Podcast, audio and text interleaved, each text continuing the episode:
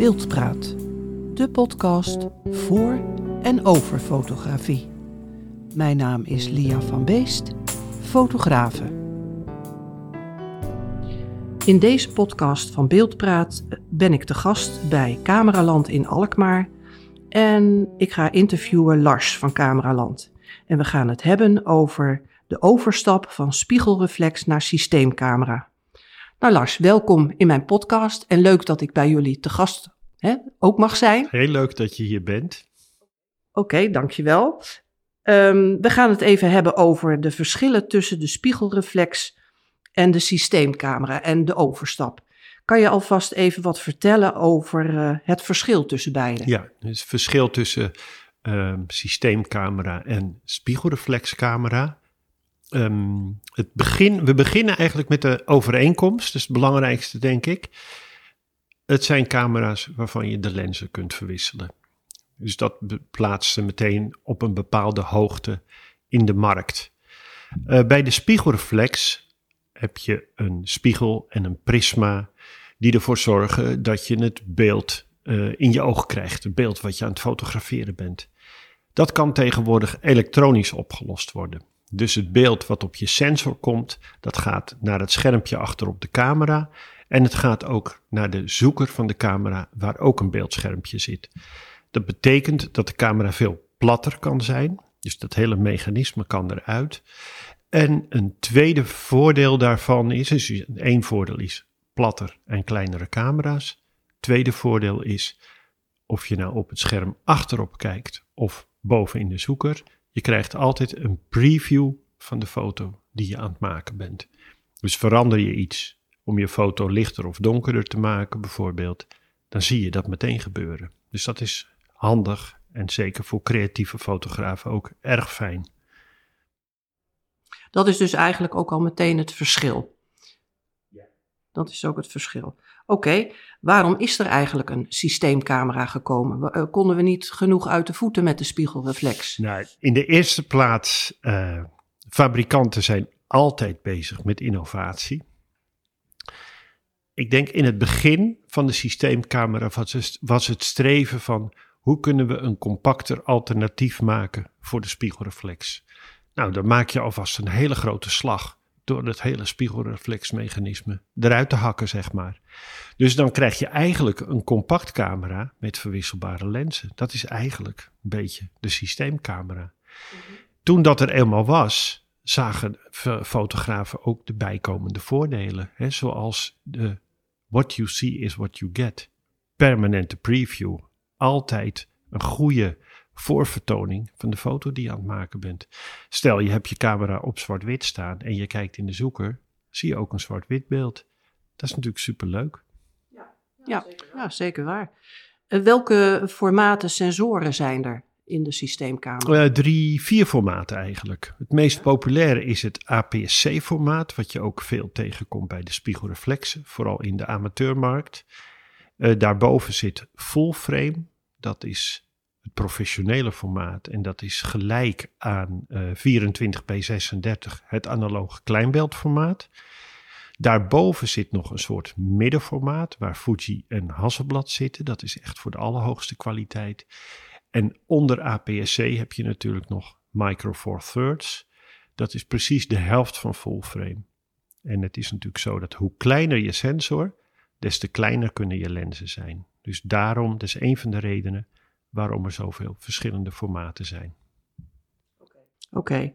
en wat kan je over het automatisch scherpstellen vertellen en het volgsysteem van, uh, van de systeemcamera? Ja, uh, bij de spiegelreflex begin ik daar eventjes mee om een vergelijking te ja. maken. Bij de, de spiegelreflex heeft altijd een autonoom scherpstelsysteem dat in de bodem van de camera zit. Dus uh, een stukje van het licht wordt van de spiegel afgetapt en dat gaat naar het dedicated scherpstelsysteem. Dat werkt goed, dat werkt snel, dat is heel goed doorontwikkeld. Uh, bij de systeemcamera heb je dat niet. Dus daar werd eigenlijk in het begin scherp gesteld als bij een compactcamera. En dat was best wel traag. Dat was een beetje zoekend. Uh, nu hebben ze uh, het systeem, het principe van de uh, scherpstelsensor van de spiegelreflex, hebben ze nu ook in de beeldsensor van de systeemcamera kunnen toepassen. Dat noemen we fasedetectie. En sinds dat er is, is de snelheid, de autofocus snelheid van de systeemcamera dik in orde. Het is nu zelfs zo dat uh, Canon bijvoorbeeld, die heeft de 1DX Mark III uitgebracht, hun topmodel spiegelreflexcamera. Daarvan zou je zeggen, nou, hij is altijd sneller als hij zijn dedicated scherpstelsysteem gebruikt. Maar daar zit ook de techniek van een systeemcamera in. Dus als je via het scherm fotografeert, dan gebruikt hij dat systeem, dus eigenlijk het systeem van de uh, systeemcamera. En het blijkt dat die dan sneller is als wanneer je met het conventionele autofocus systeem werkt. Dus dat betekent dat die inhaalslag gewoon gemaakt is. Daarbij, je hebt het over het volgen. Mhm. Eh, bij de spiegelreflex is je scherpstelling actief in een beperkt deel van het beeld. Bij uh, de systeemcamera kan de scherpstelling overal in het beeld plaatsvinden. Dus over het vrijwel het hele beeldoppervlak. En of je nou linksboven of in het midden of rechtsonder scherp stelt, de snelheid en precisie is altijd even groot. Dat betekent dus ook dat een camera heel goed in staat is om een onderwerp te volgen. Ja, en is de systeemcamera is, uh, sneller per definitie dan een spiegelreflex? Dat dus niet, behalve wat jij zei over die Canon 1DX. Nou, het is dus zo, een snelle systeemcamera is sneller dan de snelste reflex. Dat is helemaal, top, helemaal bovenaan de top. Maar in het middenveld uh, zijn nog wel wat systeemcamera's die niet zo snel zijn. En die uh, het afleggen tegen een amateur spiegelreflex. Ja. Maar dat is bijna, de slag is bijna gestreden. Ja. ja. ja. Oké.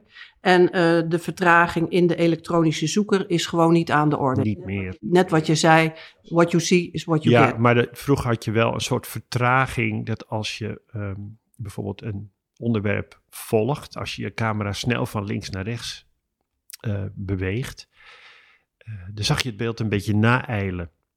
Maar dat is inmiddels ook bij de meeste camera's goed opgelost. Dat komt door de techniek van de schermpjes, maar dat komt ook met name doordat er steeds krachtigere computertjes in die camera zitten. Dus de rekenkracht is enorm toegenomen.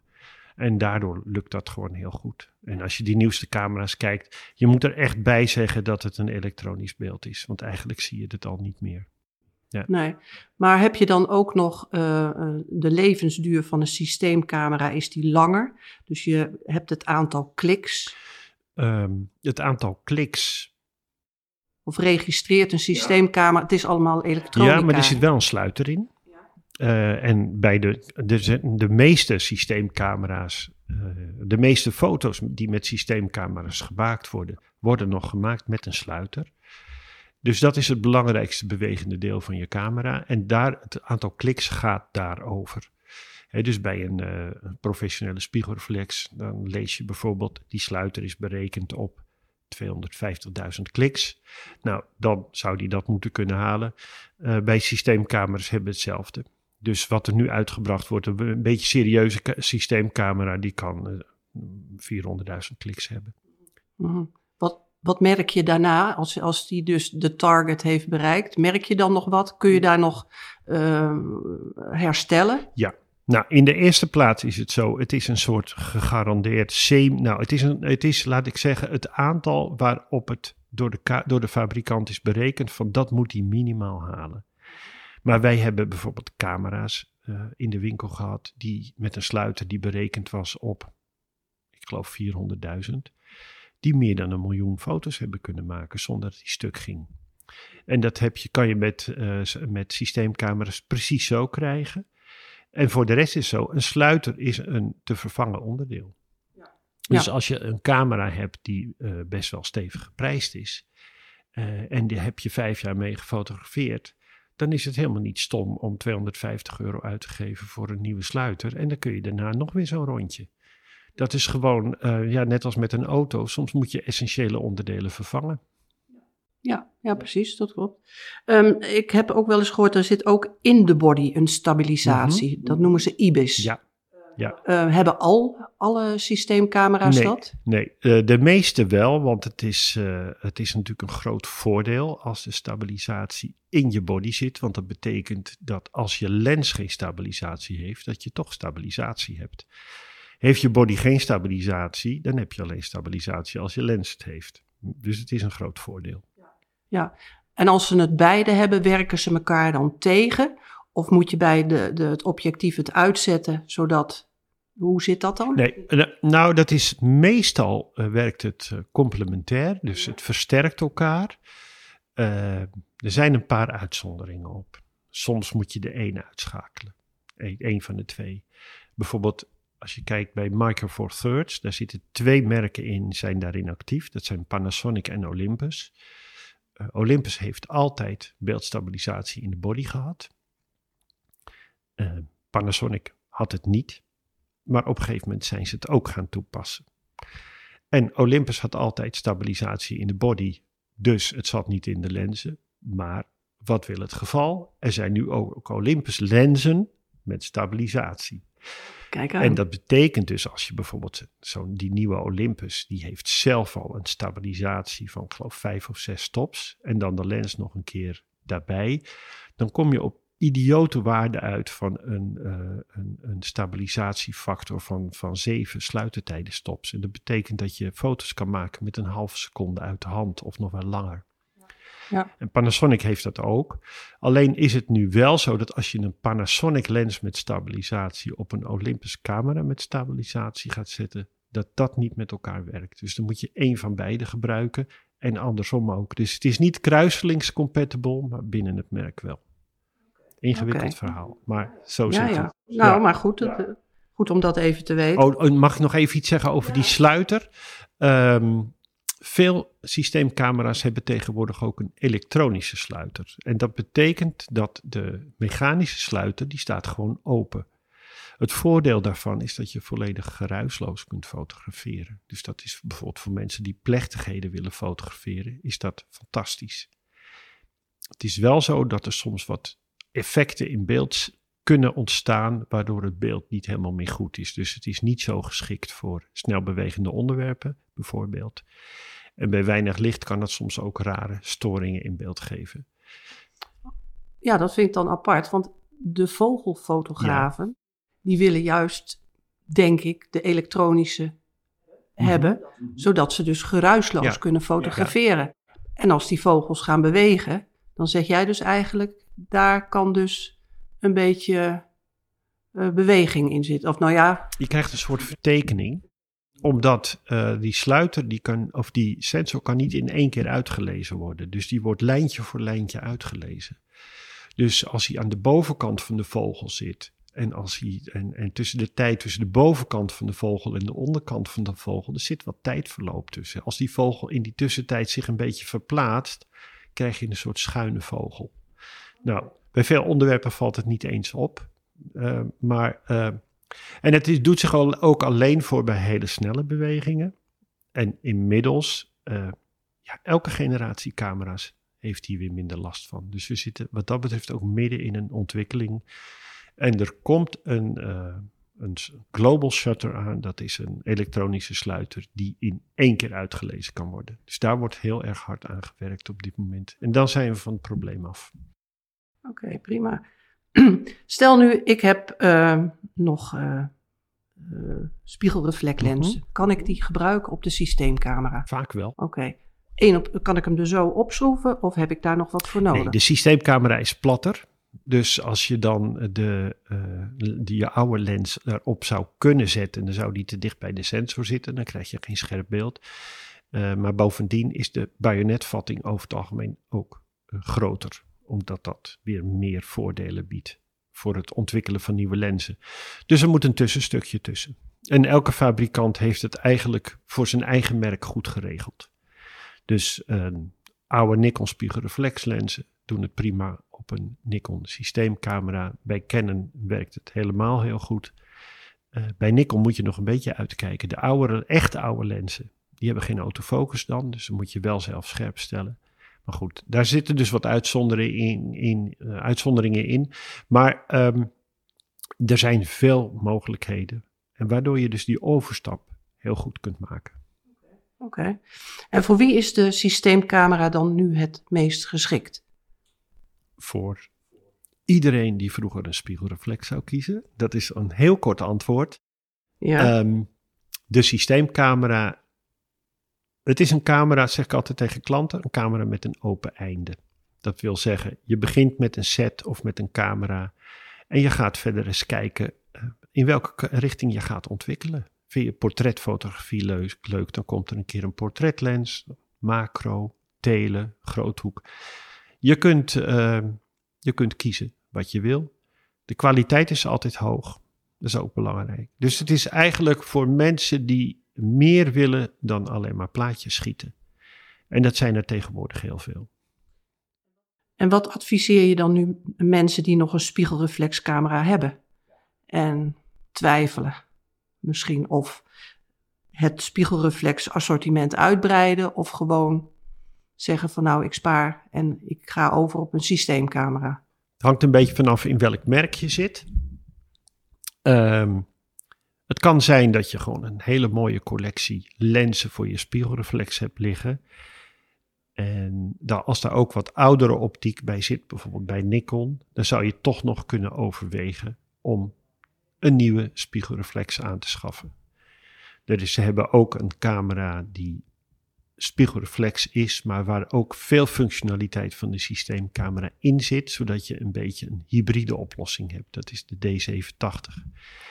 En bij Canon heb je eigenlijk vergelijkbare mogelijkheden. Uh, maar ja, over het algemeen geldt toch van, nou, als je die switch maakt, denk er goed over na. Uh, of het toch niet beter is naar een systeemcamera te gaan. Waar je nog mee te maken hebt, is dat de systeemcamera-merken nog met hun systeem bezig zijn om het te ontwikkelen en uit te breiden. Dus als jij een uh, hele mooie lichtsterke 400 mm voor natuurfotografie hebt liggen, daar is misschien nog geen, uh, geen alternatief voor. Wat raad je aan als iemand met fotografie wil be beginnen qua camera-aanschaf? Je vraagt systeemcamera of spiegelreflex. Ja, ja. Altijd systeemcamera. Ja. Maar als, als je er dus mee, je hebt besloten, ik wil een systeemcamera. Hmm. Is er dan een instapmodel eerst dat je zegt van nou proberen dat eerst eens even uit? Um, of... Wil je dat ik concrete types noem? Nou, mag, mag je zelf weten, jij bent de gast. Oké. Okay. uh, elk merk heeft uh, een, een goed instapmodel. Bij ons erg populair is de Sony A6000. Dat is een camera die bij meer dan vier jaar op de markt is. En dan zou je zeggen, is die niet verouderd? Maar eigenlijk is die dat nog niet. Hij is heel goed, hij is heel snel, hij is heel makkelijk. Hij is heel klein, of heel klein, hij is lekker compact, laat ik het zo zeggen. En ja, iedereen kan ermee overweg. En belangrijk natuurlijk is de kwaliteit. En er zit gewoon een hele goede beeldsensor in. Dus er komen hele ja. mooie foto's uit. En dat is ook met een verwisselbaar lenssysteem. En welke lens zou je dan als beginner adviseren? Meestal gewoon de 16 tot 50 lens, want die vouwt zich heel plat op. En dan kan je dus die camera met lens en al zo in je zak steken. Je kan hem ook kopen met meteen een grotere zoom erop, een universele zoombereik. Maar dan is de charme van die kleine platte camera is een beetje weg. Ja. Dus meestal ja. zeg ik van, ga voor die kleine platte lens en koop daar bijvoorbeeld een compacte tele bij die ze hebben. Tenzij je echt min of meer allergisch bent voor het wisselen van lens, want die mensen zijn er ook, die vinden dat eng. En dan koop je bijvoorbeeld de 18 tot 135 mm erop. Ja, en maar hoe uh, verhoudt zich de prijs tot de spiegelreflex? Bijna niet meer, net ietsjes, ietsjes duurder. Ietsjes duurder. Maar het is bijna verwaarloosbaar. Bijna verwaarloosbaar, ja, zeker. Die, die Sony die zit rond de 500 euro. Nou, heb ja. je gewoon een, echt een, een hele potente camera. camera voor. Het enige ja. wat die naar huidige begrippen niet heeft, is 4K video. Dus als je 4K video belangrijk vindt, dan moet je uh, hoger in, in het uh, systeem gaan kijken.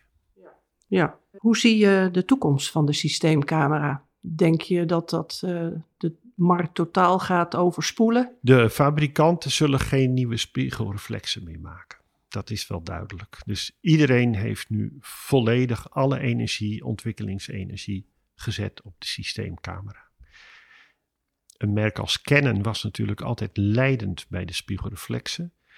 Die zijn uh, daardoor wat lang in dat systeem blijven hangen. En waren dus wat laat met het brengen van goede systeemcamera's. Die hebben inmiddels die inhaalslag helemaal gemaakt. Maar daardoor zijn ze wel wat terrein verloren aan merken als Fujifilm en Sony bijvoorbeeld. Maar nu hebben ze laten zien dat ze er helemaal zijn. En uh, dat betekent dat alle merken nu in volle energie op de systeemcamera zitten. Ja, en waar zien jullie bij Cameraland de meeste vraag naar? Uh, naar de goedkopere, compacte systeemcamera's? Of uh, neigt men toch meteen al naar dat duurdere segment van de systeemcamera's. Of alles wat ertussen zit. Dat kan natuurlijk ook. Het grappige is natuurlijk als je de overstap maakt van een goede spiegelreflex naar systeemcamera, dat er meteen een tweede vraag bij komt. Van zal ik ook meteen maar overstappen op full frame, waardoor je een hogere kwaliteit krijgt. Daar kunnen we het misschien ander, ander, andere keer nog eens wat uitgebreider over hebben. Maar dat is uh, wel een hele belangrijke stap. Betekent wel ook dat je in een duurdere trein gaat zitten. Dus je komt ook je krijgt te maken met duurdere lenzen bijvoorbeeld. Maar daar kunnen wij heel goed in adviseren. Dat is best wel een, eh, verhaal waar veel, veel aan, aan vast zit. Maar uh, ja, die overweging wordt heel vaak gemaakt. Ja. -hmm. Oké. Um, hebben we nog iets laten liggen? Nou ja, ik, we hadden het net even over video. Systeemcamera's ja. kunnen vrijwel allemaal heel goed video schieten. Ja. En uh, dat is belangrijk omdat ja, we leven in een tijd waarin media en multimedia superbelangrijk zijn. Professionele fotografen die moeten vaak ook bewegend beeld schieten, maar dat geldt voor mensen in hun privéomgeving ook. Dus uh, ja, als je ook al kijkt bijvoorbeeld nu wat er allemaal gebeurt op het gebied van thuiswerken en uh, bloggen en vloggen dat kan ook allemaal heel goed met een systeemcamera. Heb je, heb je geen goede webcam uh, uh, op, je, op je laptop of werk je met een grote monitor, dan zou je je systeemcamera bijvoorbeeld als webcam kunnen gebruiken. Ja, ja. en jullie kunnen daar ook advies ja. in geven wat je allemaal nodig hebt ja, voor dat vloggen, bloggen en weet zeker, ik het allemaal niet. Zeker, dus dat is iets wat er nu heel erg bij komt in de moderne tijd en daar past de systeemcamera fantastisch in. Ja, precies. Nou, als uh, luisteraars nu enthousiast geworden zijn en die zeggen van nou, ik wil contact opnemen met jullie, met Cameraland. Hoe pakken ze dat aan? Want we zitten natuurlijk nu in een bijzondere tijd. Dus zo de winkel inlopen, dat, mag, uh, dat is, mag nu nee. even niet. Maar hoe gaat men dat doen? Uh, nou, in de eerste plaats hebben we nu altijd de chat aanstaan de hele dag. Dus als de winkel open is, kun je met ons chatten. Um, als je een wat ingewikkelder vraag hebt, dan is chatten best wel uh, tijdrovend. Dan kun je veel beter even bellen. Um, wij werken ook met een verkooptelefoon. Dat wil zeggen dat als je kiest voor de verkoop in plaats van de klantenservice, dat je ook meestal meteen een verkoper aan de lijn krijgt. Dus uh, je krijgt niet een klantenservice medewerker met een lijstje met antwoorden. Je krijgt echt meteen ook aan de telefoon al een goed advies.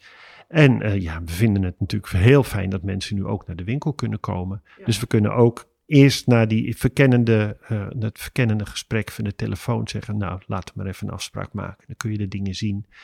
En als mensen zeggen, ik wil sowieso een afspraak maken, mag altijd. We werken met tijdslots van een uur, waarin ruimte is van uh, een half uur met uitloop. Duidelijk verhaal, Lars. Uh, ik vond het een leuk gesprek. Ik vond het ook ik leuk. denk dat we ja. dit uh, nog maar eens een keertje gaan, uh, gaan doen op een ander onderwerp. en eens kijken wat, wat we daarover over kunnen vertellen. Doe ik heel graag, Lia. Ja. Oké. Okay. Mag ik je dan hartelijk bedanken voor dit, dit interview. Even een update over het winkelen bij Cameraland. Vanaf woensdag 28 april is de winkel weer geopend voor bezoek zonder afspraak. Zo mogen er een beperkt aantal klanten tegelijk in de winkel. De mensen wordt wel gevraagd om alleen te komen en het dragen van een mondkapje blijft verplicht. Voor verdere info kijk in de tekst bij deze podcast. Wil je niets meer missen? Abonneer je dan nu gratis op Beeldpraat en zodra er een nieuwe aflevering online staat, word je op de hoogte gebracht. Graag tot de volgende Beeldpraat.